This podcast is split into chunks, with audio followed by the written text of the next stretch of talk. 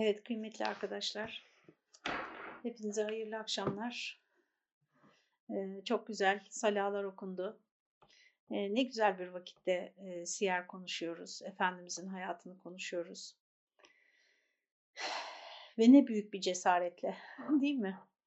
Ne büyük bir e, hadsizlik demeyeyim ama cesaret iyi bir kelime. Evet, Allah şaşırtmasın, yanlışı söyletmesin, yanlışını kabul etme erdeminden ve kendini düzeltme gayretinden hiçbirimizi mahrum ederek cezalandırmasın bizi. Çok büyük bir ceza arkadaşlar. İnsanın kendi yanlışını göremez hale gelmesi, vicdanının onu hiç artık rahatsız etmemesi, yani yaptığı her şeyi vicdanının onaylaması, Kur'an-ı Kerim'de söylendiği gibi işlerinin kendisine süslü gösterilmesi, yani her yaptığını çok beğenmesi, o insan için çok büyük bir ceza. Çünkü bütün düzelme ihtimali, bütün ıslah ihtimali ortadan kalkmış oluyor.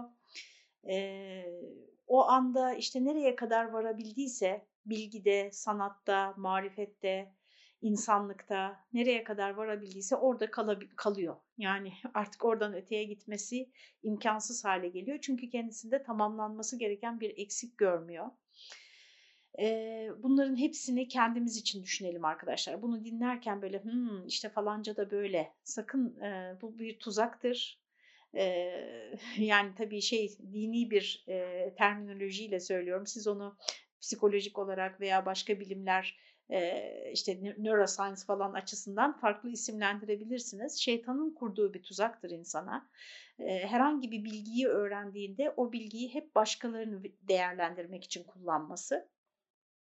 Kendisini değiştirmek ve dönüştürmek istemez çünkü ego. Yani ego bir çaba içerisinde olmak istemez. Kendisiyle mutlu, barışık ve şey bu mutluluk ve barışıklık e, olumsuz anlamda yani.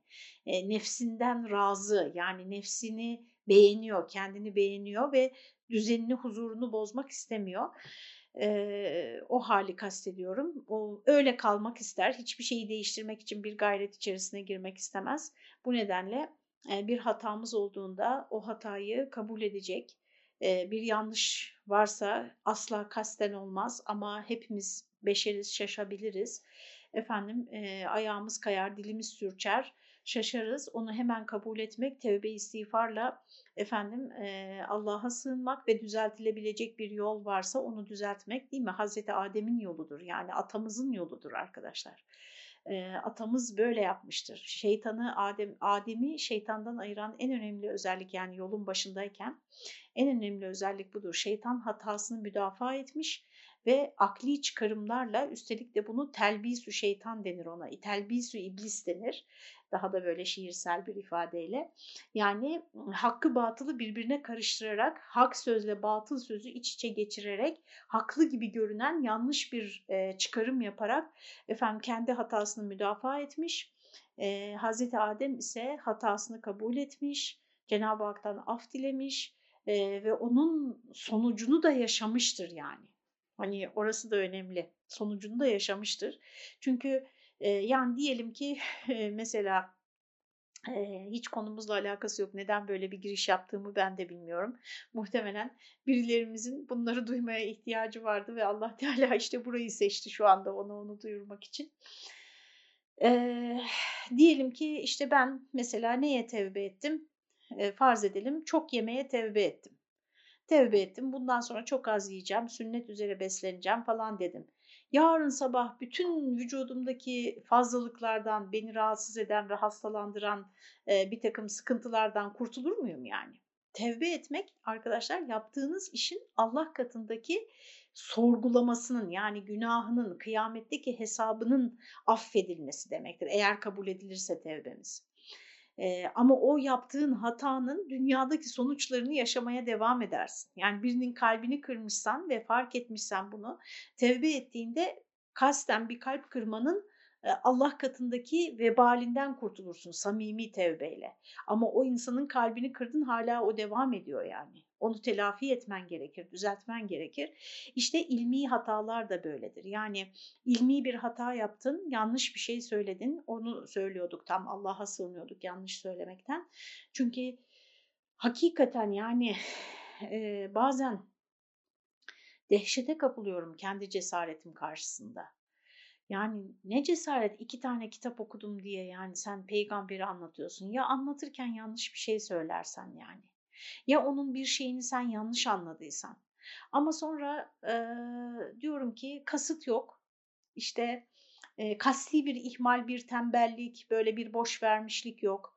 Gayret var efendim e, ve işte hatamızı kabul etme. Eğer bir yerde hata yapmışsak o hatamızı kabul etme erdemini de göstermeliyiz her zaman. Her zaman buna çok açık olmalıyız arkadaşlar.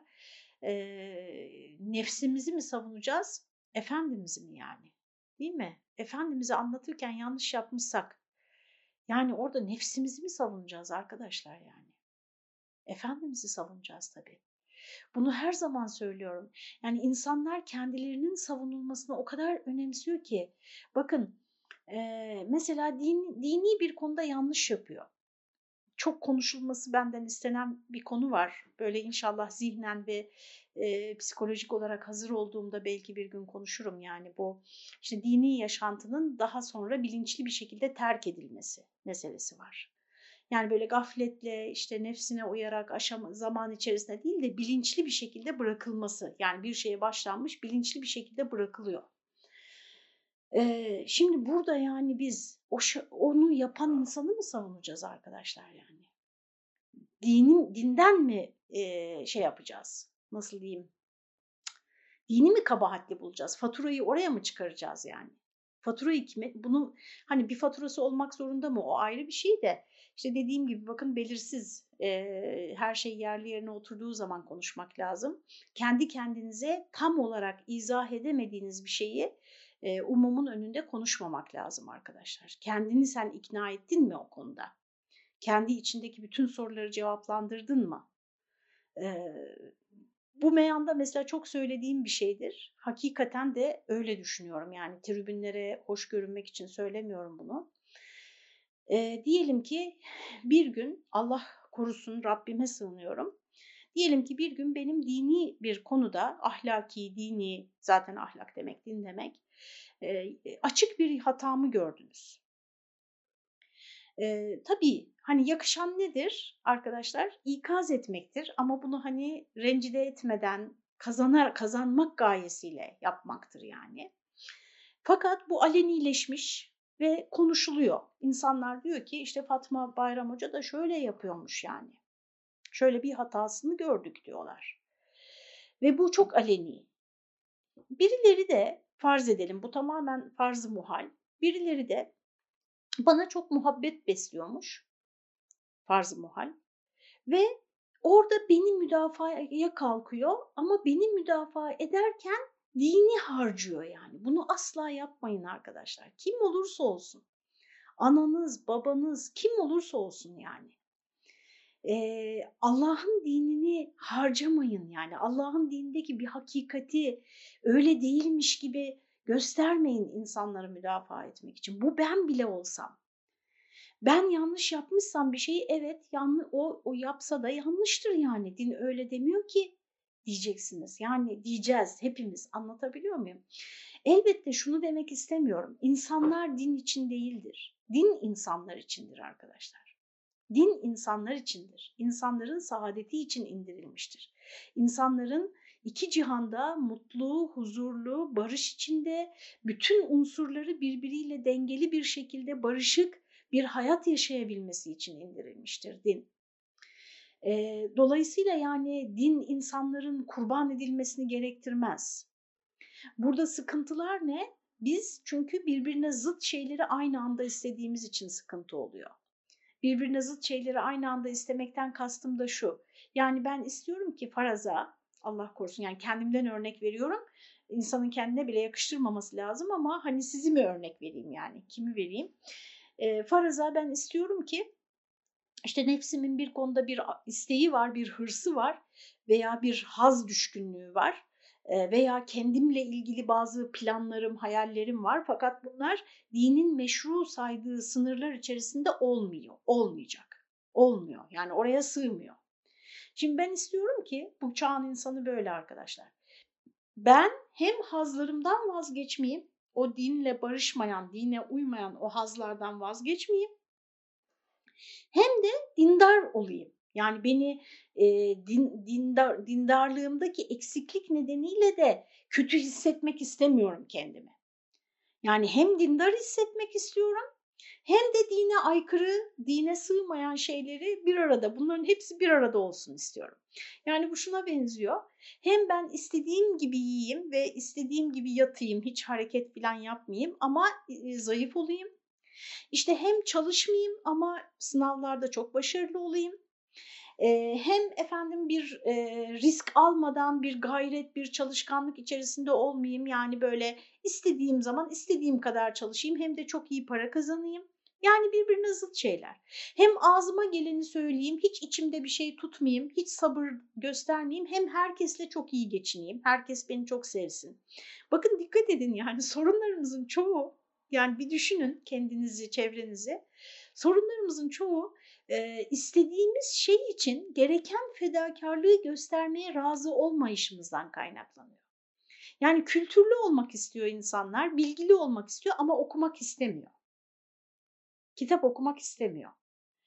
Ee, insanlar mesela ne bileyim e, işte teheccüd namazı kılmak istiyor, başarılı olmak istiyor derslerinde.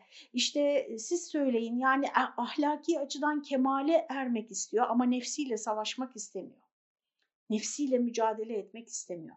Böyle bir şey yok yani onu anlatmaya çalışıyorum arkadaşlar. Ve e, kişiler e, müdafaa edilmemelidir. Eğer açık bir hataları varsa onlar ıslah edilmeye çalışılmalıdır, tebliğ yapılmalıdır, irşat yapılmalıdır, elinden tutulmalıdır, destek olunmalıdır. Neden durup dururken böyle bir şeyi yaptığı veya yapmak istediği anlaşılmaya çalışılmalıdır. Ama düşünün Efendimiz döneminde arkadaşlar Peygamber Efendimiz hayattayken sallallahu aleyhi ve sellem onun ağzından dinlediği halde ikna olmadığı insanlar yani onun ağzından dinlediği halde, onu tanıdığı halde, Kur'an'ı gayet iyi şu andaki hepimizden, hepimizden çok daha iyi anladığı halde çünkü onun lisanında iniyor. Düşünsenize o çağda yaşıyor. Yani aynı çağda yaşıyor ve o konuştuğu dilde iniyor o kitap. Onu çok iyi anladığı halde, peygamberimizi çok iyi tanıdığı halde, iman etmeyen etmedi. Bazıları da iman etti sonra döndü arkadaşlar. İmandan döndü. Bakın mürtetler var peygamberimizin hayatında. Şey değil yani böyle birkaç tane istisna değil. Epey var yani. Daha Miraç'tan geldiği zaman yok canım atıyor deyip size Miraç konusunu anlatırken söylemiştim yani atıyor böyle bir şey olamaz deyip dinden çıkanlar oldu. Ee, ben bazı böyle e, imtihan dönemlerini bugün de biz bu 21. yüzyılda yani arkadaşlar acizane kanaatim yani hazlarla imtihan oluyoruz. Haz gerçi her zaman bir imtihan konusuydu ama hiçbir zaman bu kadar e, baskın bir şekilde insanlara takdim edilmiyordu ve bu kadar e, tervic edilmiyordu, yükseltilmiyordu. Yani bir insanın mesela hazlarının peşinden koşması, hırslı olması bugün neredeyse takdir ve iltifat görüyor. Neredeyse e, her zaman haz vardı ve hazların peşinden giden insanlar vardı ama toplumda bu kadar yaygın ve bu kadar motivasyonu yüksek yani bu kadar çok e, reklam, bu kadar çok e, tahrik yoktu. Efendim her neyse e, çok çeşitli nedenlerle bu işte insanların yaşadığı imtihanları kimi zaman mesela işte pozitivizm yaygındı 20. yüzyılın başlarında. İşte akla uymuyor bunlar diye mucizeleri, kerametleri ne kadar dinde böyle metafizik e, hakikatler varsa hepsini inkar ettiler mesela. Bir kısmı o dönemde imanını kaybetti o sebeplerle. Yani her dönemin dindarlığının imtihan edildiği alanlar var arkadaşlar. Ben bunu şuna benzetiyorum E, aramızda Anadolu'daki hayatı, köy yaşamını bilenler vardır. Ben de köyde doğmadım ama Allah razı olsun, Allah rahmet eylesin babam. Her yaz bizi götürdü. Bir ay bazen, bazen iki ay, bazen işte 15-20 gün köyde kaldık. Yani o benim çocukluğumda bundan 50 sene öncesinin Anadolu'daki bir köy hayatını çok yani çok iyi olmasa da aşağı yukarı biliyorum. Şimdi bir sepete e, ot doldurulur veya yaprak veya tahıl neyse yani bir şey doldurulur taşınacak o sepet. Odun doldurulur mesela. Ne yapılır arkadaşlar sepet doldurulduğunda tam dolmasını istiyoruz. Biz bunu sepetle yapmayız da mesela bir kaseye veya bir kavanoza bir şey yerleştirmek istediğimiz zaman yaparız. Biraz kaldı yani 2-3 kaşık arkada. Onu iyice sallarız değil mi arkadaşlar? İşte bazen sepet böyle sallanır arkadaşlar. Ve e, sepetin aldıkları içinde almadıkları dışında kalır. Onu başka bir zaman başka vesileyle konuşuruz inşallah. Bütün bunları niçin anlattık? Efendim yani kendimi hissettiğim e, halet ruhiyeyi aşabilmek için yani ne cesaretle nasıl anlatıyorsun ya bir şeyi eksik söylersen onu anlatırken yanlış daha felaket eksik o kadar felaket değil yani eksikse tamamlanır ama yanlışsa onu düzeltmek şimdi düşün burada kaç kişi var görmüyorum şu anda görmüyor gözlerim uzağa arkadaşlar yani efendim e, o kadar insanı bir daha nerede bulup da bunu düzelteceksin değil mi? O yüzden din konusunda konuşurken arkadaşlar böyle diken üstünde oturur gibi konuşmanız lazım. Ve ağzınızdan kelimeleri korkarak çıkarmanız lazım yani. Hepsinin hesabını vereceksiniz. O insanlara mesela çocukla bizlere biz çocukken e, bize anlatılan din onu düzeltene kadar canımız çıktı arkadaşlar.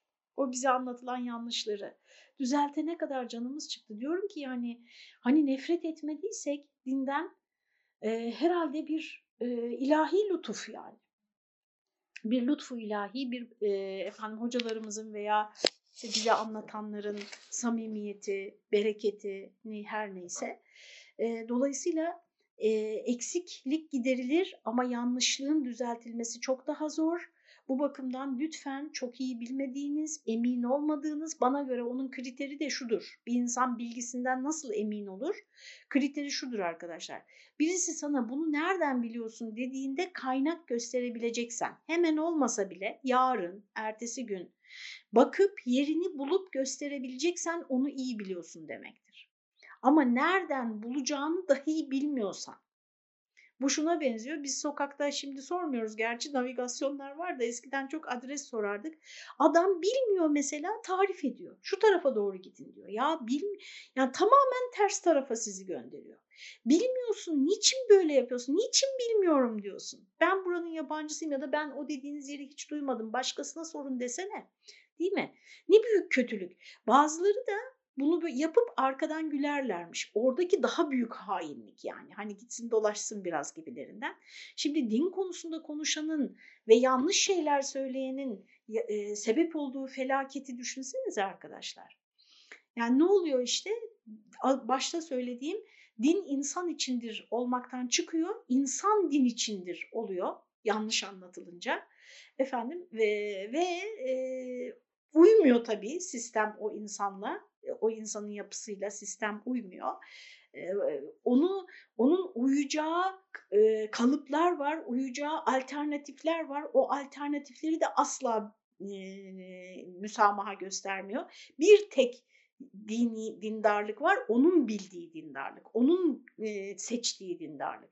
Onun gibi olursan ama Efendimiz sallallahu aleyhi ve sellem seninki de doğru, seninki de doğru diye kaç kere çeşitli konularda hem de kıraattan tutun, e, namazın vak e, kılalım mı kılmayalım mı ikindiyi bununla ilgili tartışmalar yani şimdi mi kılalım oraya gidince mi kılalım Kureyza oğulları ile yapılan savaş sırasında daha farklı yorumlar konusunda mesela seninki de doğru seninki de doğru dedi Peygamber Efendimiz sallallahu aleyhi ve sellem. Neyse e, ne kadar uzadı bu giriş değil mi arkadaşlar? Gelelim biz neredeyiz? Hendek Savaşı bitti. E, Efendimiz sallallahu aleyhi ve sellemin e, Hendek Savaşı'ndan Hudeybiye Barış Anlaşması arasında yaşadığı bazı hadiselere sadece böyle çok kısa birkaç cümleyle temas etmiş kitabımız. Arada yeni, katılanlar oluyor. Kitabımız ne? Biz neredeyiz falan diyorlar. İbrahim Sarıçam'ın Hazreti Muhammed ve Evrensel Mesajı Oradan ters göründüğünü biliyorum ama en azından kitabın kapağını görün. Diyanet İşleri Başkanlığı yayınlarından Hz. Muhammed ve Evrensel Mesajı isimli eseri aslında şu kadarcık bir eser. Yani siyer kitabı olarak hani çok e, kalın ve mesela işte çok iki cilt, on cilt olan siyerler var. E, onlarla kıyaslanamayacak kadar özet bir kitap ama ben bir türlü bitiremiyorum işte gördüğünüz gibi. Böyle aralara bir sürü şeyler sokuşturduğum için. E, efendim bu işte o arayı yani Hendek'le Hudeybiye arasında olan hadiseleri böyle kısa kısa birkaç cümleyle anlatmış. Bu akşam hiç olmazsa onun e, gidişatına uyalım. Diyor ki e, bir defa Efendimiz ne yapmış arkadaşlar biliyor musunuz? Hendek Savaşı bitti. Şimdi bakın.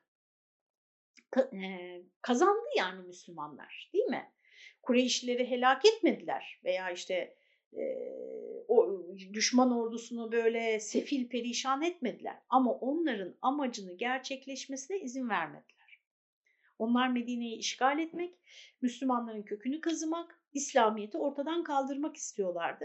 Bunu hiçbir şey yapamadan, kılıçlarını bile kınlarından çıkaramadan e, geri döndüler. Çok büyük bir şokla yani. Çok büyük bir e, nasıl diyelim hayal kırıklığıyla geri döndüler. Lütfen aranızda ilgi duyanlar konuya daha fazlasını, daha ileri okumalar yapanlar, yapmak isteyenler arası ve işte şuna bakın buna bakın diyorum.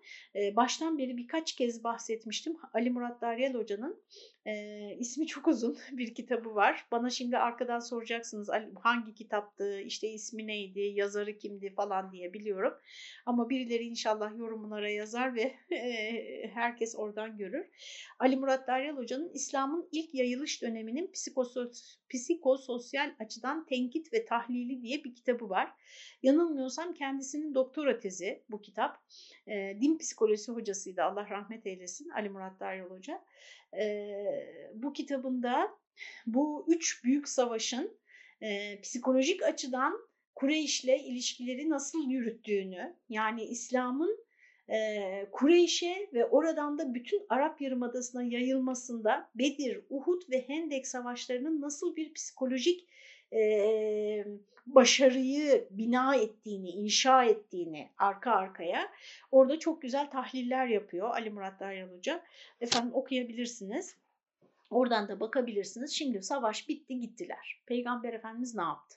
Arkadaşlar sallallahu aleyhi ve sellem. Ne yapıyor biliyor musunuz? İşte buna ne dersiniz? İşini takip etmek mi? Hiçbir şeyi, hiçbir işi yarım bırakmamak mı? Ee, kendisine, şahsına değil yani İslam topluluğuna, oradaki Medine'deki Müslüman topluluğuna yönelik bir tehdidi asla küçümsememek ve işi son noktasına kadar temizleyene kadar götürmek mi? Ne dersiniz? Nasıl yorumlarsınız? Ee, ara, bazen arada sorular geliyor. Mesela arkadaşlardan biri diyor ki işte sihiri bir ekonomistin gözüyle dinlediğimizde bambaşka bir açılım görüyoruz falan. Bana sorarsanız işte farklı alanlardan var mı böyle çalışmalar diyor. Ben doğrusu bilmiyorum ama takip edin. Yani mesela bana göre sihiri en önemlisi yani bir İslam tarihçisi den dinlemelisiniz. O çerçeveyi çizer. çünkü biz biraz şeye meyyaliz arkadaşlar. tarihte olmamış bir şeyi oldurmaya, söylenmemiş bir şeyi söyletmeye, Kur'an'daki bir ayeti asla kastedilmediği bir anlamda e, kullanmaya biraz meyyaliz. Yani an, yorumu genişletmeye e, meyyaliz. Dolayısıyla e, İslami e, İslami ilimlerde söz sahibi olan alimler çerçeveyi çizer.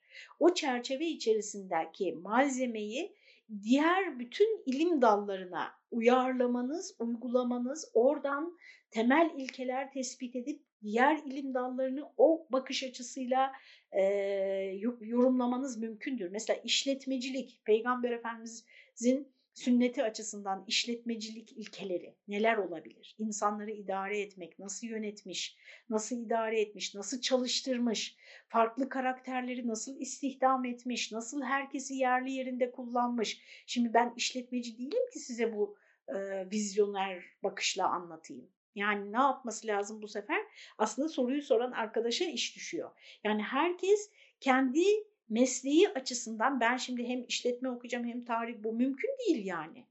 Ee, ama bir işletmeci siyeri çok iyi çalışıp oradan veya hadisleri çok iyi çalışıp oradan kendi alanıyla ilgili e, şeyler çıkarabilir, ilkeler çıkarabilir.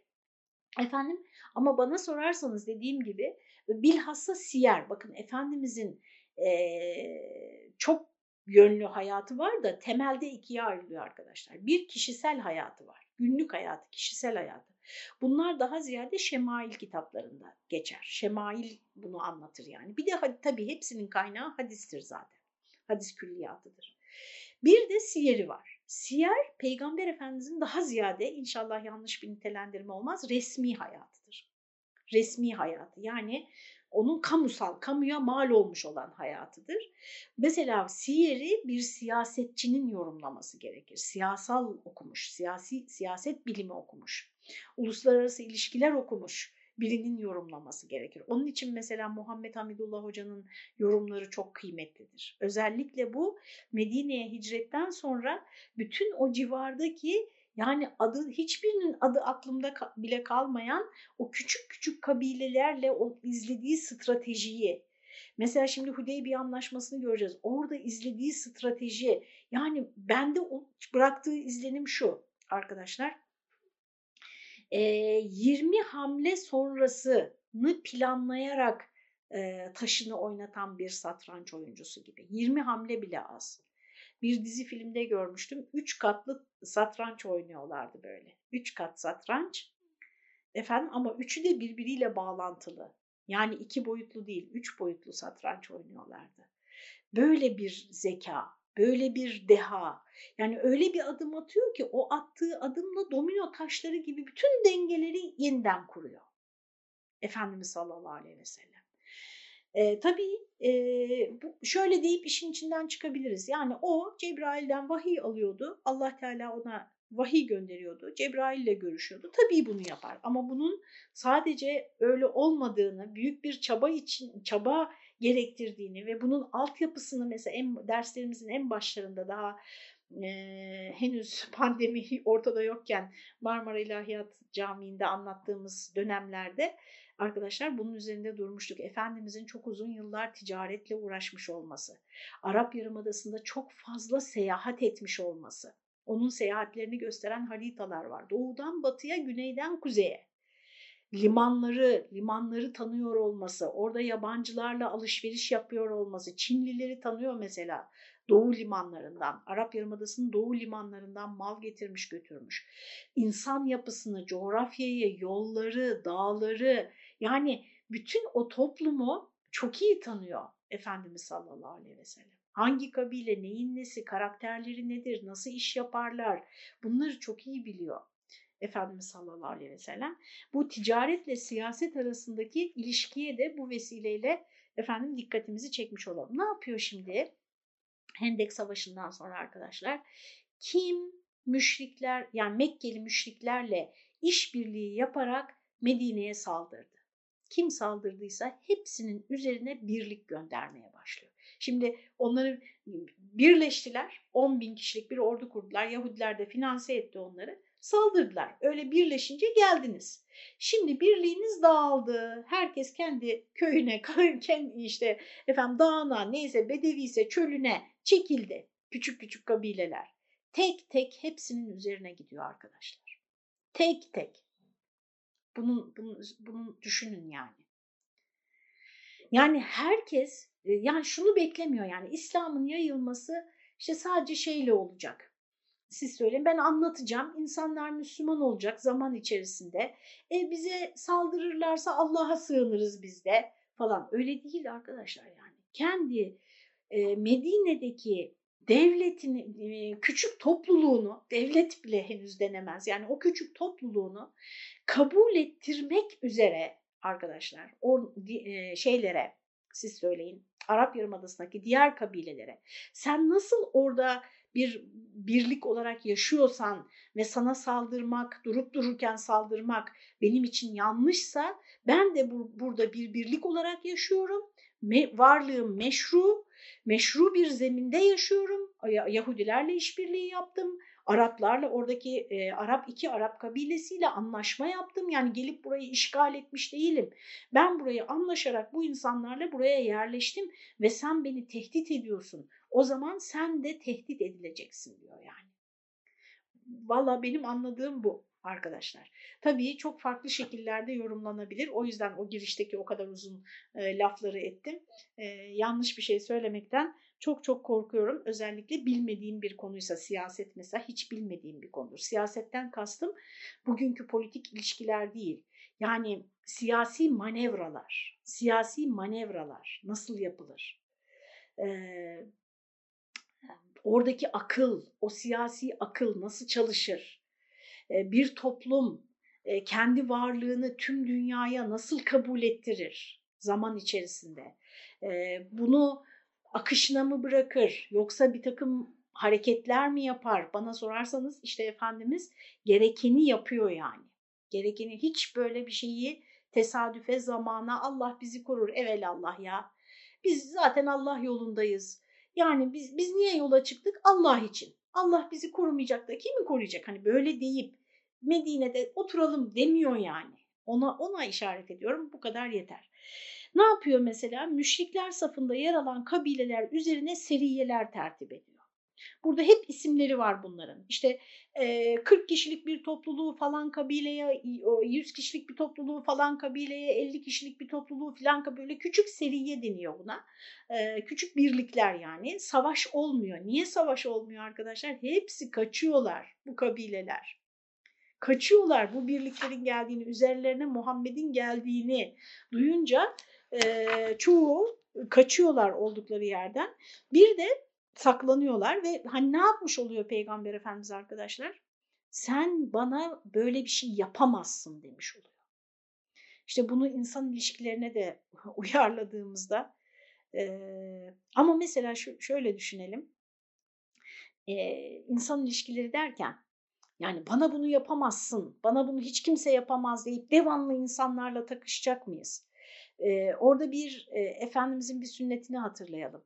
Hayatı boyunca arkadaşlar kendisine yönelik bir hareket için hiç kimseden intikam almamış peygamberimiz. Ve hiç kimseyle bir dava gütmemiş. Yani bana şunu yaptılar, bana hakaret ettiler, benim evimi elimden aldılar, işgal ettiler. Göreceğiz birazdan İnşallah birkaç hafta sonra Mekke'nin fethi gelecek arkadaşlar. Yani nasıl davranmış mesela Mekke'ye girdiğinde? 8 sene, 8 sene önce çıkmıştı oradan. 80 sene değil. Bakın 8 sene önce Mekke'den çıkmış. 8 sene sonra Mekke'yi fethediyor. Ve akşam oluyor. Çadır kurulmasını emrediyor Efendimiz. Kendisi kalmak için. Diyorlar ki ya Resulallah eviniz var burada. Mekke'nin en merkezi yerinde Hazreti Hatice'den kalan evi var peygamberimizin. Diyor ki o bizden Allah için çıkmıştır diyor. Çünkü birileri işgal etmiş ve yerleşmişler peygamberimiz hicret ettikten sonra. Yani çıkın bakalım bak nasıl geldim muzaffer komutan olarak hepinizi şimdi tek tek bize yaptıklarınızın hesabını size soracağım diyor mu yani? Hiçbir zaman kişisel bir e, yani kişisel amaçla egosu zedelendiği için ya da haklarına el konulduğu için mesela hiç kimseyle takışmamış, uğraşmamış Efendimiz. Ama İslam'a yönelik ve halkına yönelik, halkına yönelik bir zulüm, bir baskı, bir saldırı olduğunda onu da asla karşılıksız bırakmamış arkadaşlar. Yani ee, bir topluluk olarak siyasi varlığınızın tehdit edilmesi ile e, kendinize yönelik bir e, tehdit, nefsinize yönelik bir e, nasıl diyelim sizi böyle üzen ve rahatsız eden, kıran bazı şeyler olduğunda, söz, sataşma vesaire olduğunda tavrımız bizim e, korkakların yani bizi, sizi ve kendimi de tenzih edeyim hadi. Korkakların tavrı şudur aman aman mesele çıkmasın. Lütfen mesele çıkmasın üstünü örtelim görmezden gelelim. Mesele çıkmasın. En e, daima barış. Hep barış içinde yaşayalım. Mesele çıkmasın. Elmalı Hamdi Yazır bunu çok güzel ifade ediyor arkadaşlar. Diyor ki huzur perest olanlar cihad edemez diyor. Huzur perest olanlar çok iyi bilirim o psikolojiyi. Ben de o gruptanım yani. Şey mesele çıkmasın grubundanım. Efendim onlar cihad edemez diyor.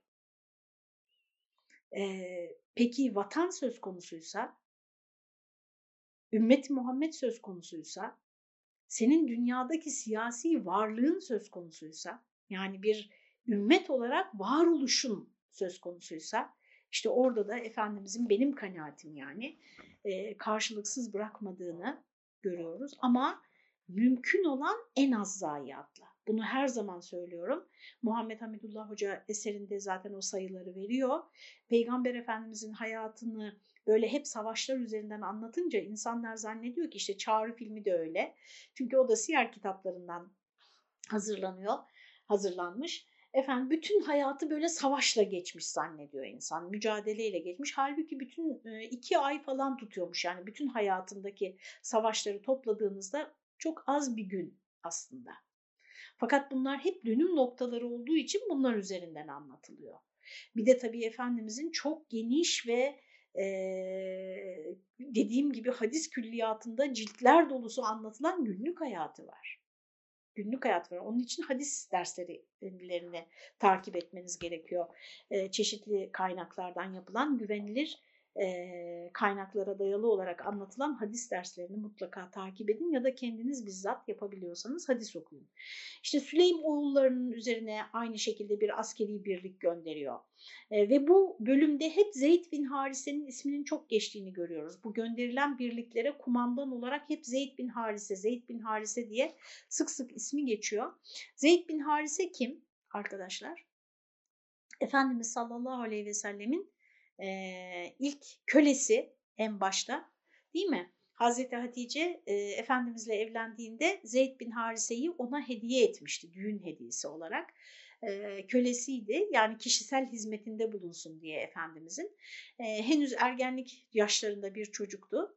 E, Efendimiz de onu azat etti. Dilersen gidebilirsin dedi. Hatta e, amcaları onu arayıp çünkü o bir savaşta esir düşmüş. Bir baskın sırasında daha doğrusu esir düşmüş. Aslında e, önde gelen bir ailenin çocuğuymuş.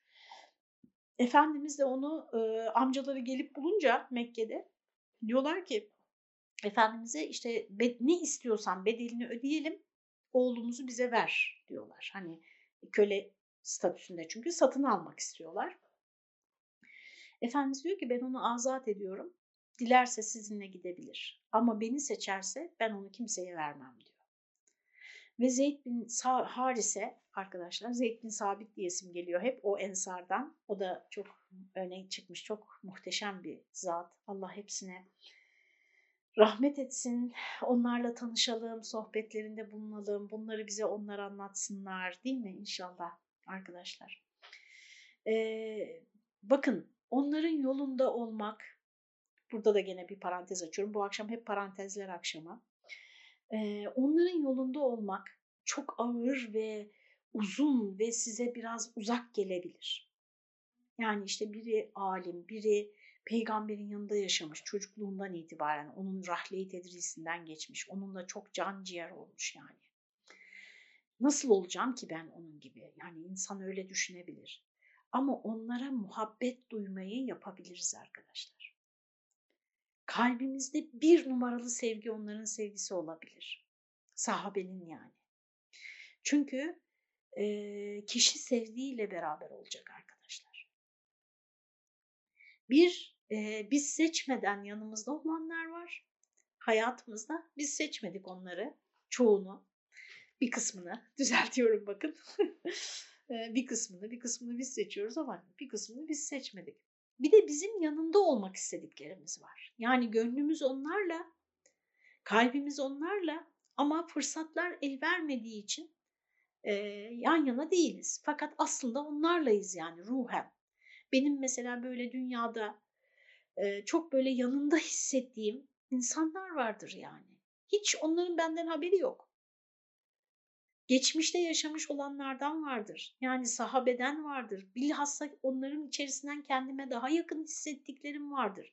Sizin de olmalı. Bunun olması için onları tanımanız gerekir arkadaşlar. Hayatü Sahabe'yi mutlaka okuyun. Yusuf Kaddehlevi'nin defalarca söyledim. E, çok kolay okursunuz. Çünkü böyle hep rivayet rivayet böyle ve e, sadece olaylar anlatılıyor. Böyle makaleler gibi uzun uzun cümleler yok. Efendim e, sahabe ansiklopedileri var. Çok çeşitli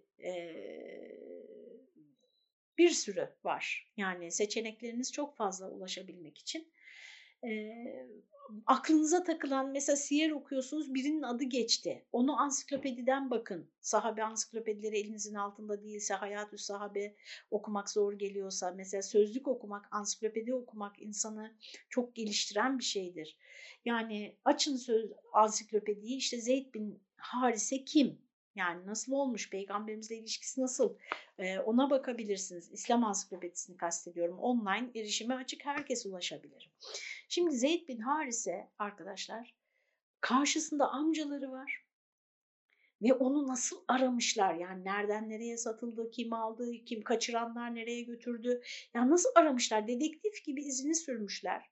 Bulmuşlar ve bir servet teklif ediyorlar onu kurt hani kölelikten kurtarmak için.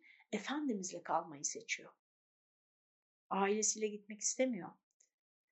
Ya Resulallah nasıl davrandın o çocuğa da? Yani o çocuk seninle kalmayı seçti.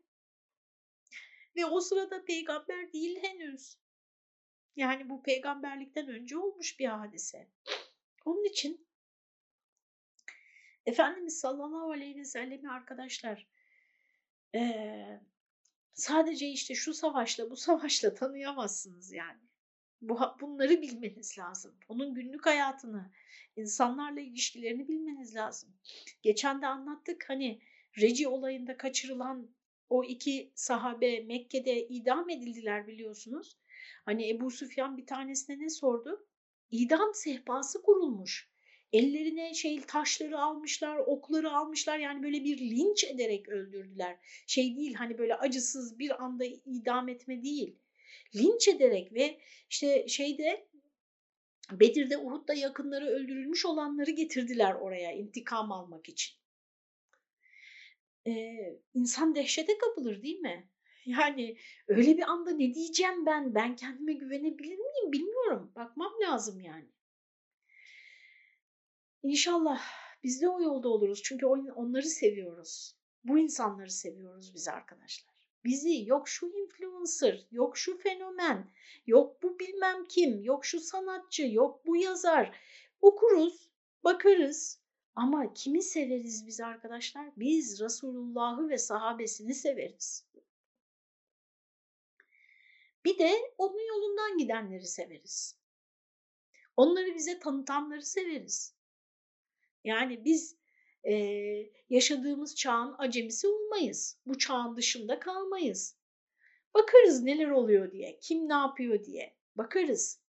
Ama sevmek başka bir şey arkadaşlar. Sevmek başka bir şey yani. Çünkü sevdiğinle beraber olacaksın. Onunla beraber o, orada dirileceksin düşünsenize. Onunla beraber dirileceksin yani. Evelallah. Onun için kalbimi çok iyi tarassut etmeliyim yani. Yani şimdi duymasınlar da benim çocuğum diyelim. Çocuğum mesela Nuh Aleyhisselam. Yani oğlunu mu sevecek? Ne yapacak? O imtihandan nasıl geçecek arkadaşlar? Kur'an-ı Kerim'de ayet-i kerime var. Allah'a ve ahiret gününe inanan hiçbir mümin Allah'a ve Resulüne düşmanlık eden birini sevemez. İsterse oğlu olsun, ister yuvaddune men haddallâhe ve rasûle. Vedud ismi geçiyor yani orada. Sevgi gösteremez diyor. İsterse babası, anası, kardeşi, oğlu olsun isterse diyor. Ha ilişkileri medeni çerçevede devam eder. Şimdi sevemez deyince de düşman olur anlamayın. Sevmek çok özel bir şey çünkü arkadaşlar. Çok özel bir şey. Çok özel bir yakınlık. Medeni ilişki, zerafet, nezaket, saygı o başka bir şey. O herkese yapılması gerekir. Ama sev, sevme de çok seçici ol. Ben arkadaşlar sevmede çok seçici olmak gerektiğini düşünüyorum. Burada hani ama hangi bir sevgiyi kastediyoruz? Cenab-ı Hakk'ın bir Rahman ismi var, bir Rahim ismi var. O da yanlış anlaşılmasın. Çünkü bugün sevmek çok moda. Sevmenin aleyhine konuştunuz mu isminizin yanına bir soru işareti düşülüyor. Ama sevelim, sevilelim derseniz bir anda böyle yani hani çok, herkesi sevelim, koşulsuz sevelim falan dediniz mi çok e, popüler olabiliyorsunuz.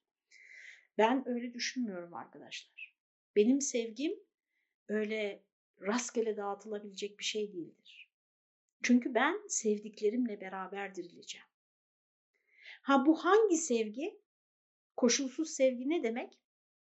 Koşulsuz sevgi arkadaşlar merhamet demektir. Bütün varlıklara merhamet edin. Ağaçlara, kuşlara. Arkadaşlar ben bazen söylüyorum bakın sabahın beşinde altısında eğer olağanüstü bir hani yorgunluk durumu söz konusu değilse yataktan fırlıyorum çünkü bir tane kuş geliyor o saatte ötüyor arkadaşlar. Ama nasıl bir ötüş? Soracağım birilerine bu kuş ne kuşu bilmiyorum adını falan. Nereden bileceğim ben? Apartman çocuğuyum. Yani kuşu sevin, ağacı sevin, doğayı sevin, suları sevin. Her şey bu bütün yaratıkları sevmek Rahman isminin tecellisidir.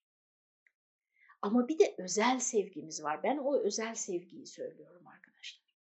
Ve inanın, inanıyorum yani buna. Kendime biraz güveniyorum bu konuda. Allah'a tabii insanın müminin kendine güvenmesi demek Allah'a güvenmesi demektir aslında. Ee, yani o sevelim sevilelim herkesi sevelim koşulsuz sevelim falan diye bunu bunu böyle konuşanlar ve sevgide ilkeselliği kabul etmeyenlerden daha fazla sevdiğimi düşünüyorum herkesi ve her şeyi. Yani o Rahman isminin tecellisi olan sevginin o evrensel bütün varlıkları, bütün insanları. Arkadaşlar şimdi bunlar söylenmez ama ben biraz yurt dışına gittiğimde oradaki evsizlerin barınaklarına bağışta bulunmadan gelmem kaldığım şehirde. O kadar acıyorum yani o insanlara. Bu başka bir şey. Merhamet, şefkat başka bir şey. Bir de e, hayatıyla, ahlakıyla, insanlığıyla, kalitesiyle, kemalatıyla, her şeyiyle yani zirveye çıkmış insanlara özel bir işte o da Rahim isminin tecellisidir. E, Elmalı Hamdi Yazır bu iki ismi şahane anlatır. Besmele tefsirini okuyun arkadaşlar. 30 sayfa. Ansiklopedik sayfayla 30 sayfa Besmele'yi tefsir ediyor Fatiha'nın girişinde. Bir bakın diyor ki eğer diyor Cenab-ı Hak sadece Rahman olsaydı yani o yaratılışta verdiği o koşulsuz vergi, koşulsuz sevgi yaratılışta verdiği sırf Rahman olsaydı, Rahim olmasaydı yani e, o Rahman isminin tecellisiyle verdiği o ikramları doğru yolda kullanıp onların üzerine kendi kemallerini ekleyenlere ayrıca bir ikinci merhameti, ikinci vergisi, ikinci yakınlığı yani Rahim isminin yakınlığı olmasaydı insanda ilerlemek için hiçbir motivasyon olmazdı diyor Elmalı Hamdi Yazır. Hiçbir motivasyon olmazdı ve Allah adil olmazdı o zaman. Çünkü e, ona ihanet edenle ona e, iman edenle aynı tutmuş olacaktı. E, bu bakımdan arkadaşlar Zeyd bin Harise'yi tabii ki ben yani kuzenimden daha çok seveceğim. Tabii ki. Tabii ki pek çok yakınımdan daha çok seveceğim. Zeyd bin Sabit'i yani şimdi saymayayım. Tabii ki şundan bundan bir takım insanlar geliyor aklıma. Daha çok seveceğim yani. O Rahim ismi ve bu konuda eğer bilinçli olmazsanız arkadaşlar e, bilinçsiz bir şekilde sevgiler doldurur kalbinizi. Bir bakarsınız ki bambaşka yerdesiniz. İşte o konuşmamın en başında söylediğim savrulmalar o sevginin kontrol edilememesinden de kaynaklanıyor. Hayranlığınız, ben kime hayranlık duyacağım, kimi seveceğim, Kim benim için kıymetli? Bunu çok bilinçli bir şekilde seçmeliyim arkadaşlar. Çünkü o, o ben oraya doğru motive oluyorum demektir. İnşallah anlaş, anlaşılmıştır.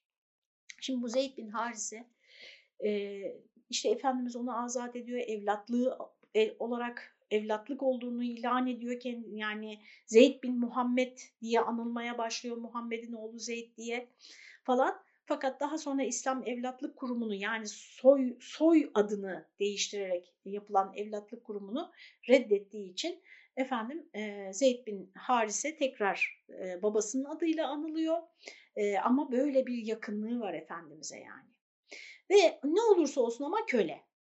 Şimdi Arap toplumunda arkadaşlar bir kölenin herhangi bir topluluğa lider olması üstelik de içinde hürler ve asiller varken.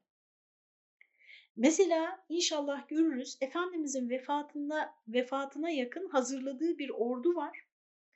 Bu ordunun başına Zeyd bin Harise'yi geçiriyor arkadaşlar.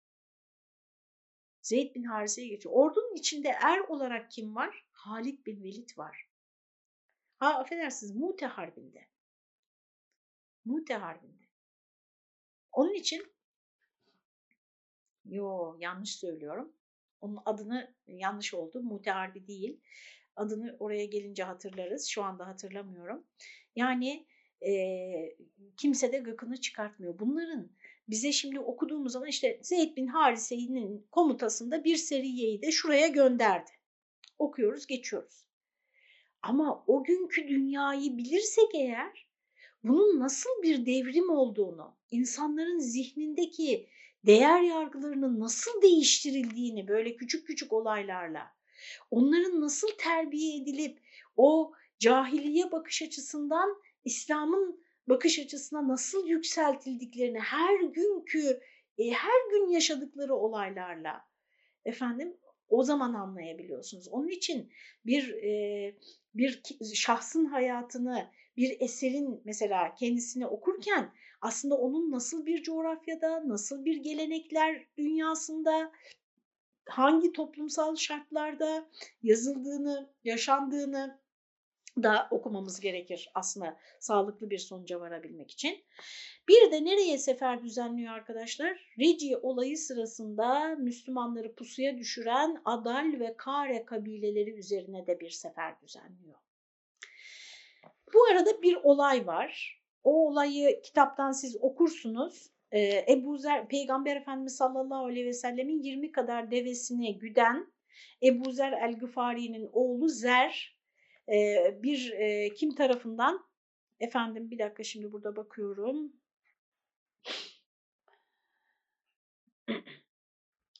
Fezare kabilesinin Fezare kabilesi tarafından baskın düzenlenmiş. Develeri kaçırmışlar. Ebu Zer'in, Ebu Zer'i hepimiz tanırız. Oğlu Zer'i öldürmüşler ve karısını da kaçırmışlar. E, Efendimiz bunları takip etmek için de bir e, şey gönderiyor. Bir topluluk gönderiyor. İşte 10 tanesini kurtarıyorlar. E, Ebu Zer'in hanımı da zaten kendisi bir deveye binip kaçabilmiş. E, onun güzel anekdotlar var orada onları okursunuz. Ben bu vesileyle şunu hatırlatayım. Hiç olmazsa bu akşam bir e, konu öğrenilmiş olsun. Efendim İslam'ın İslam'da arkadaşlar mukaddesat-ı hamse denen beş şey vardır.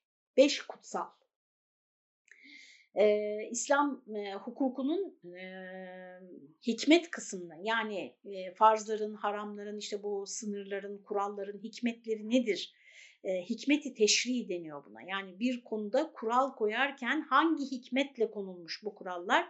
Bunu araştıran e, eserlerde, bundan bahseden eserlerde mutlaka temas edilir. İslam'da beş şey kutsaldır. Sırasıyla söylemiyorum çünkü bir önem sırası görmedim ben okuduğum kaynaklarda. Efendim inanç kutsaldır, hayat kutsaldır, akıl kutsaldır, nesil kutsaldır ve mal kutsaldır. Şimdi bu dört tanesini anlıyoruz değil mi? İnanç, insan hayatı, akıl, nesil yani soy bunların korunması gerekir. Bütün kurallar bunların korunmasına yöneliktir. Tamam da mal ne ya? Hani mal bu kadar kıymetli bir şey mi dinimizde? Bu hani bir lokma bir hırka dünya malı dünyanın işte dünya malı için değmez falan var ya arkadaşlar bu söylemler ama bunlar da hak. Çünkü öbür uca yani ifrata gidenlere bunların söylenmesi gerekiyor. Ama bunları çok söylediğinizde zaten normal çizgide olan tefrit kısmına gidiyor arkadaşlar. Mal hiç önemli değil, dünyadaki makamlar hiç önemli değil falan diyor. Hayır arkadaşlar. Mal sizin kuvvetinizdir. Kuvvetinizdir. Kur'an-ı Kerim'de mala nasıl bakıldığına bir bakın. Yani malı çok önemsemek ve bütün hayat hedefi haline getirmek yanlıştır. Ama hiç önemsememek ve tamamen saçıp savurmak da yanlıştır. Veya boş vermek de yanlıştır. O kadar ki şunu söyleyeyim süremiz olmak üzere. Efendimiz sallallahu aleyhi ve sellem diyor ki yani 20 deve için bir sefer düzenlemesi hani kulağa biraz garip geliyor. Onu doğru bir yere oturtmak için bu açıklamayı yapıyorum. Buyuruyor ki Efendimiz sallallahu aleyhi ve sellem bir kimse malını müdafaa etmek için mücadele ederse ve bu mücadele sırasında e, mücah affedersiniz şöyle diyor mal, mücadele etsin diyor. Sizin malınızı birisi sizden almak isterse o malını korumak için mücadele et diyor. Sahabe soruyor. Ya Resulallah peki ben mücadele ederken bu malı almak isteyeni öldürürsem? Diyelim ki bir kavgaya giriştik ve arbede de öldü adam. Ee, sana günah yok diyor.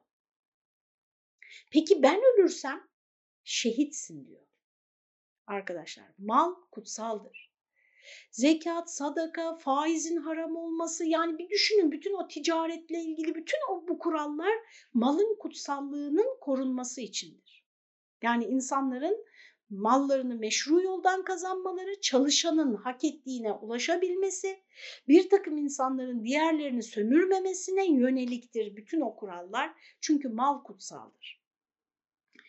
Efendim e, bir başka Medinelilerin yaylım hayvanlarını yağmalamaya kalkışan Salebe kabilesine karşı bir sefer tertip ediyor Efendimiz sallallahu aleyhi ve sellem. Ve birkaç defa bu, bu gibi sebeplerle Zeyd bin Harise'yi komutan olarak görevlendiriyor bu seferlerde. Ve geldik geldik nereye geldik? Mustalik oğulları savaşına geldik arkadaşlar. Mustalik oğulları savaşı Hazreti Ayşe'nin gerdanlığını kaybettiği ve bundan dolayı da e, iftiraya uğradı, ordunun gerisinde kaldığı ve iftiraya uğradığı bir hadise. E, hepinize özellikle tefsir dersi e, bir çalışması yapmamış olan arkadaşlara önceden tavsiye ediyorum. Haftaya bu konuyu işleyeceğiz. Hem de El Elmalı Hamdi Yazır'dan da tam aynı yerdeyiz. Arkadaşlar Nur suresinin ilk 22 ayetini baştan başta zinadan bahsediyor, sonra iftiradan bahsediyor, sonra bu ifk hadisesinden bahsediyor. O ilk 22 ayetini herhangi bir tefsirden hiç tefsir okumamış olanlara Kur'an yolu tefsirini tavsiye ediyorum. Ee, pek çok sebep var onu tavsiye etmem için. Bunlardan birincisi e, efendim bir heyet tarafından hazırlanmış olması, arkasında güvenilir bir kurumun olması, Din İşleri Yüksek Kurulu tarafından gözden geçirilmiş olması. Bu benim için çok önemli. İkincisi dilinin kolay ve anlaşılır olması. Üçüncüsü çok uzun uzun olmaması, özet olması sebebiyle.